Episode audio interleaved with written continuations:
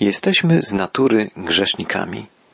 Często czujemy się winni, bo jesteśmy winni. Popełniamy wiele błędów. Poczucie winy to jeden z naszych największych problemów. Byłby to problem zupełnie nie do przezwyciężenia, gdyby nie Boża ingerencja. Nasz Stwórca od początku zaplanował ratunek dla nas. Przygotował swego Syna, Jezusa Chrystusa, by wypełnił On misję odkupienia grzeszników. Jesteśmy więc grzesznikami, ale nie pozostawionymi samym sobie. Bóg nas kocha i pragnie wyzwolić nas z więzów grzechu. Pragnie uczynić nas wolnymi i szczęśliwymi. W Ewangelii Jana czytamy, jeśli Syn was wyswobodzi, prawdziwie wolnymi będziecie. To, że Bóg przygotował plan zbawienia człowieka już na początku stworzenia, potwierdzają nasze spostrzeżenia, których już dokonaliśmy, rozważając treść ksiąg mojżeszowych.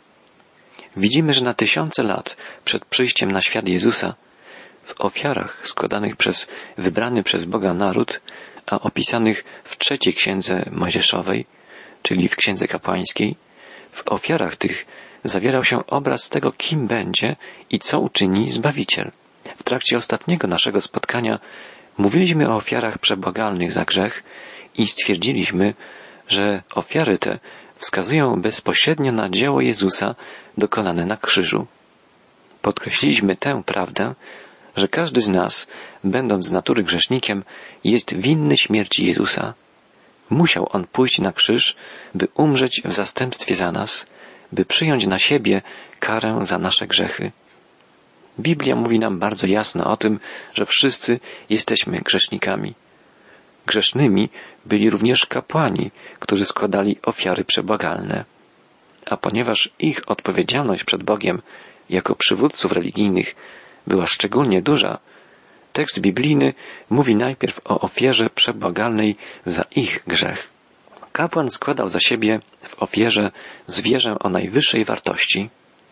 Czytaliśmy już poprzednio trzeci wiersz czwartego rozdziału Księgi Kapłańskiej, z którego dowiedzieliśmy się, że kapłan składał w ofierze młodego cielca. Czytamy dalej w wierszu czwartym, że potem kapłan przyprowadzi cielca przed wejściem do namiotu spotkania przed Pana, położy rękę na głowie cielca i zabiją cielca przed Panem. W pierwszej części rytuał składania tej ofiary przebłagalnej jest taki sam jak rytuał składania ofiary całopalnej. Ale dalej czytamy, potem namaszczony kapłan weźmie trochę z krwi cielca i wniesie do namiotu spotkania i umoczy kapłan palec we krwi i pokropi krwią siedem razy przed Panem. To jest przed zasłoną miejsca świętego. Następnie pomarze kapłan krwią rogi ołtarza, y, ołtarza wonnego kadzenia, który stoi przed Panem w namiocie spotkania. Całą resztę krwi wyleje na podstawę ołtarza ofiar całopalnych, który stoi przed wejściem do namiotu spotkania. Postępowanie kapłana jest tutaj odmienne niż w przypadku innych ofiar. Siedmiokrotne pokropienie krwią przed zasłoną świątynną wskazuje na potrzebę odnowienia bliskiej więzi pomiędzy Bogiem a ofiarodawcą. Rozmazanie części krwi po rogach ołtarza kadzidlanego, przy którym modlono się, jest prośbą o przywrócenie przywileju wielbienia Pana. To, czy nasza relacja z Bogiem jest dobra, czy jesteśmy gotowi, by Go wielbić, zależy od tego, czy jesteśmy ukryci pod osłoną krwi Jezusa. Bez rozlania krwi nie ma odpuszczenia, czytamy w liście do Hebrajczyków. Resztę krwi kapłan wylewał u podstawy ołtarza całopaleń. To obraz zażegnania poczucia winy grzesznika, oczyszczenia jego sumienia. Świadomy swojej grzeszności człowiek zostaje wyzwolony z kompleksu winy. Jego umysł, jego serce doznają pokoju. Drogi słuchaczu, ogromnie ważne jest to, byś zrozumiał, że kiedy Jezus wybaczył Ci Twoje grzechy, przebaczył Ci wszystko. Przebaczył Ci całkowicie. Jak mówi psalmista, On zatopił Twoje grzechy na dnie morza. Oddalił je od Ciebie, jak wschód oddalony jest od zachodu. On je usunął i po prostu ich nie ma. Jezus zabrał całą naszą winę, cały nasz grzech, oczyścił nas i oczekuje na nas w domu Ojca. Dalej od ósmego wiersza trzeciej księgi Mojżeszowej w czwartym rozdziale czytamy, jak dalej przebiegała ofiara przebłagalna. Potem oddzieli kapłan cały tłuszcz od cielca ofiary przebłagalnej, mianowicie tłuszcz, który okrywa wnętrzności i cały tłuszcz, który jest nad nimi, także i obie nerki wraz z tłuszczem, który jest nad nimi, który sięga aż do lędźwi, a także płat tłuszczu, który jest na wątrobie. Przy nerkach oddzieli go. Tak jak oddziela się tłuszcz cielca ofiary biesiadnej. Wtedy kapłan zamieni to wszystko w dym na ołtarzu ofiar całopalnych. Dalszy przebieg składania ofiary przebagalnej przypomina rytuał ofiar biesiadnych. Bóg przebaczył grzesznikowi i bliska relacja pomiędzy Bogiem a składającym ofiarę została odnowiona. Tłuszcz zwierzęcia zostaje spalony na ołtarzu. Pamiętamy, że tłuszcz jest symbolem najlepszej cząstki, czegoś najlepszego oddawanego Bogu. Skórę zaś cielca ofiary biesiadnej, czytamy dalej, całe jego mięso, jego głowę, jego nogi, jego wnętrzności i zawartość jelit, słowem całego cielca każe wynieść poza obóz na miejsce czyste, gdzie wysypują popiół. Tam go spalą na drwach, na ogniu. Będzie spalony na miejscu, gdzie wysypują popiół. Końcowe czynności rytualne przy składaniu ofiary przebagalnej są całkowicie odmienne od tych, które do tej pory poznaliśmy. Całe mięso, skórę, nogi, głowę, wnętrzności, czyli właściwie całego cielca, pozbawionego jedynie tłuszczu, który spalano, całego cielca wynoszono poza obóz i tam go spalano. Jest to obraz tego, co uczyniono z Chrystusem, na którego złożony został cały grzech ludzkości. W liście do Hebrajczyków czytamy w trzynastym rozdziale Mamy ołtarz, z którego nie mają prawa jeść ci, którzy służą przybytkowi, bowiem ciała tych zwierząt, których krew arcykapłan wnosi do świątyni za grzech, spala się poza obozem. Dlatego Jezus, aby uświęcić lud własną krwią, cierpiał poza bramą. Wyjdźmy więc do Niego poza obóz, znosząc pohańbienie Jego. Albowiem nie mamy tu miasta trwałego, ale tego przyszłego szukamy. Religia nigdy nie zaspokoi potrzeb ludzkiego serca ani oczekiwań świętego Boga. Jedynie śmierć Jezusa na krzyżu sprawia, że nasz grzech może być usunięty. Jesteśmy grzesznikami z natury i nie zasługujemy na niebo, ale nasz niebiański Ojciec tak bardzo nas ukochał, że posłał Jezusa, by stał się grzechem dla nas. Na Jezusa złożono cały grzech ludzkości, w tym mój i Twój grzech. Jezus zapłacił karę za nasz grzech. Zmarł na krzyżu. Drogi przyjacielu, nie próbuj rozwiązywać problemu swojego grzechu w inny sposób niż ten wskazany przez samego Boga. Zwróć się ku Chrystusowi. Zaufaj Mu. Powierz Mu swoje życie. On zna i rozumie najgłębsze potrzeby Twojego serca, potrzeby Twojej duszy. Tylko On może przebaczyć Ci wszystkie Twoje grzechy. On wziął je na siebie i umarł z nimi na krzyżu. Jego śmierć jest jedyną wystarczającą zapłatą za Twój i mój grzech. Wyjaśniliśmy już, jakie znaczenie ma spalanie zwierzęcia ofiarnego poza obozem. Dalej czytamy od wiersza trzynastego w czwartym rozdziale Księgi Kapłańskiej. Jeżeli zaś cała społeczność Izraela zawini przez nieuwagę i sprawa ta będzie ukryta przed oczami zgromadzenia, mianowicie to, że uczynili coś sprzecznego z przykazaniami Pana i w ten sposób zawinili, a potem grzech, który popełnili, wyjdzie na jaw, w takim razie zgromadzenie przyprowadzi przed namiot spotkania młodego cielca jako ofiarę przebłagalną. Gdy nieumyślny grzech popełni cały lud, cała społeczność Izraela, musi złożyć taką samą ofiarę jak kapłan, młodego cielca. Kapłan reprezentował całe zgromadzenie. Gdy zgrzeszył, jego wina spadała na lud. Gdy więc lud zgrzeszył, składał taką samą ofiarę. Ofiara za lud wskazuje, że popełnienie grzechu przez naród pociąga za sobą zbiorową odpowiedzialność za grzech. Bóg może osądzić naród, a wtedy ludzie, którzy nie mieli udziału w popełnionym przezeń grzechu, traktowani są jako współodpowiedzialni za grzech całego narodu. Musimy to sobie w pełni uświadomić, że jesteśmy odpowiedzialni za grzechy popełniane przez naród, do którego należymy. Gdy Daniel modlił się o swój naród, zawsze zwracał się do Boga, przepraszając go za grzechy popełniane przez Izraelitów. Daniel modlił się w ten sposób. Panie, wybacz nam nasze grzechy. Utożsamiał się ze swoim narodem. Czuł się odpowiedzialny za grzechy popełniane przez swoich rodaków, mimo że sam nie uczestniczył w nich. Bóg również osądza kościoły i lokalne społeczności. Jeśli należysz do kościoła, który naucza niezgodnie z prawdami biblijnymi, Bóg osądzi ciebie tak jak cały kościół. Nasza odpowiedzialność przed Bogiem jest przede wszystkim odpowiedzialnością indywidualną, ale gdy funkcjonujemy w ramach jakiejś wspólnoty, jakiejś społeczności, przyjmujemy odpowiedzialność zbiorową za wszystkich. Czytamy w Księdze Apokalipsy o siedmiu kościołach osądzonych przez Pana.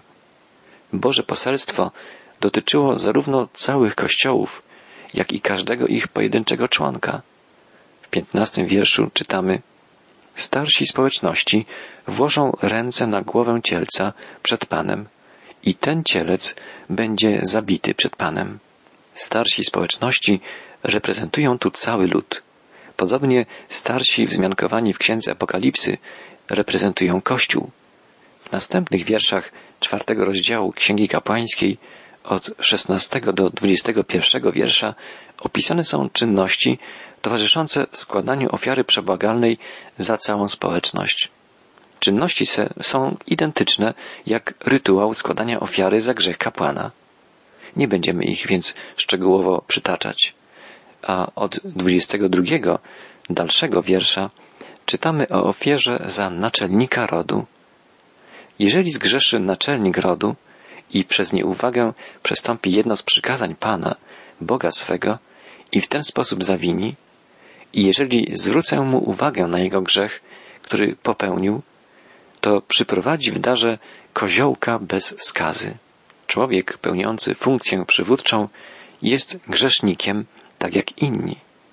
Zależnie od stopnia odpowiedzialności, Izraelici składają różne ofiary, ale wszyscy czynią to z jednego powodu, ponieważ są grzesznikami. Tu mowa jest o człowieku pełniącym ważną funkcję społeczną i polityczną, jak powiedzielibyśmy to dzisiaj.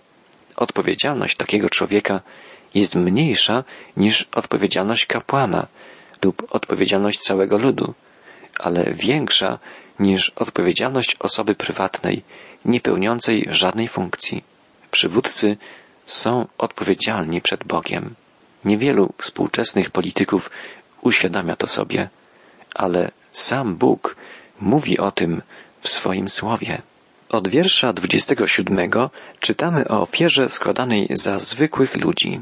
Jeżeli jakiś człowiek spośród ludu ziemi zgrzeszy przez nieuwagę, przestąpi jedno z przykazań Pana i w ten sposób zawini, jeżeli zwrócę mu uwagę na jego grzech, który popełnił, to przyprowadzi w darze za swój grzech kozę bez skazy. Każdy człowiek uświadomiwszy sobie, że zgrzeszył, powinien złożyć ofiarę przebłagalną za swój grzech. Tylko to sprawi, że jego sumienie będzie na powrót czyste i że nie będzie prześladować go nieustające poczucie winy. Tylko przyjęcie Bożego przebaczenia, możliwego dzięki śmierci Jezusa na krzyżu, jest w stanie uwolnić nas od poczucia winy. Zabiegi psychologów, lekarzy, psychiatrów są tu nieskuteczne, jak wykazują doświadczenia współczesnych doradców i terapeutów. Kompleks winy usuwa skutecznie tylko Jezus Chrystus, gdy człowiek przyjmuje Go jako swego Zbawiciela. Jeśli wyznajemy swoje grzechy, On jest wierny i sprawiedliwy i odpuści nam grzechy i oczyści nas od wszelkiej nieprawości. Czytamy w pierwszym liście apostoła Jana. Koza była uważana za mniej wartościowe zwierzę niż wymienione wcześniej woły i kozły, ale tak samo wskazuje na śmierć Jezusa, jako na jedyną wystarczającą ofiarę za nasz grzech. Rytuał składania tej ofiary jest taki sam jak poprzednich ofiar przebagalnych. Wiersz 32 dodaje, że można było złożyć również ofiarę z owieczki i że w tym przypadku rytuał składania ofiary był także taki sam. Kluczowymi słowami w tym fragmencie czwartego rozdziału Księgi Kapłańskiej są stwierdzenia, które znajdujemy w wierszu 31 i 35. Czytamy, grzech będzie mu odpuszczony.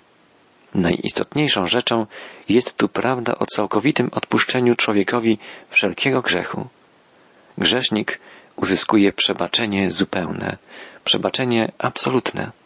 Jest to dzieło dokonane przez Chrystusa na krzyżu.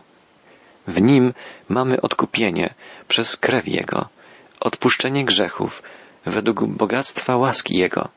Czytamy w liście apostoła Pawła do Efezjan. Dalsze przepisy odnośnie składania ofiar przebłagalnych znajdujemy w szóstym rozdziale Księgi Kapłańskiej. Zaglądnijmy na chwilę do szóstego rozdziału Księgi Kapłańskiej, czyli trzeciej Księgi Mojżeszowej. Czytamy tu w wierszu siedemnastym i osiemnastym. Dalej Pan powiedział do Mojżesza, tak powiedz do Aarona i jego synów. To jest prawo odnoszące się do ofiary przebagalnej. Na tym samym miejscu, na którym będzie zabijana ofiara całopalna, będzie także zabijana ofiara przebagalna przed Panem. To jest rzecz bardzo święta.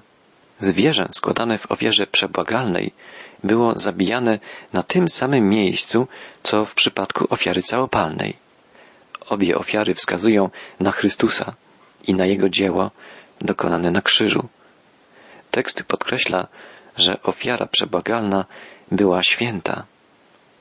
Gdy Chrystus umierał na krzyżu, wołał Boże mój, Boże mój, czemuś mnie opuścił? Chrystus stał się na krzyżu grzechem dla nas. Bóg odwrócił się od niego w tej chwili. Cały grzech ludzkości został wtedy złożony na Jezusa.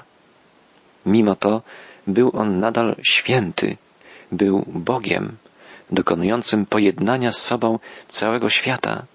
Nikt z nas nie potrafi w pełni zrozumieć, jak to jest możliwe. Nikt z nas nie potrafi do końca pojąć, co działo się wtedy na Golgocie. Jest to wielka tajemnica. Pan Jezus był ciągle święty, mimo że spoczywał na nim cały nasz grzech. Nie jesteśmy w stanie objąć swym umysłem ani sercem niewyobrażalnego cierpienia, które znosił wtedy Jezus. On nie doświadczył przedtem grzechu. Jego życie było święte. Nie jesteśmy w stanie wyobrazić sobie Jego cierpienia, bo jesteśmy grzesznikami. Pomódlmy się, święty Boże. Wielbimy Cię za dzieło odkupienia i dzieło uświęcenia, które dla nas jest jedynym ratunkiem. Pragniemy ukryć się w Twojej łasce i odczuć Twoją miłość. Ogarnij nas, Panie. Amen.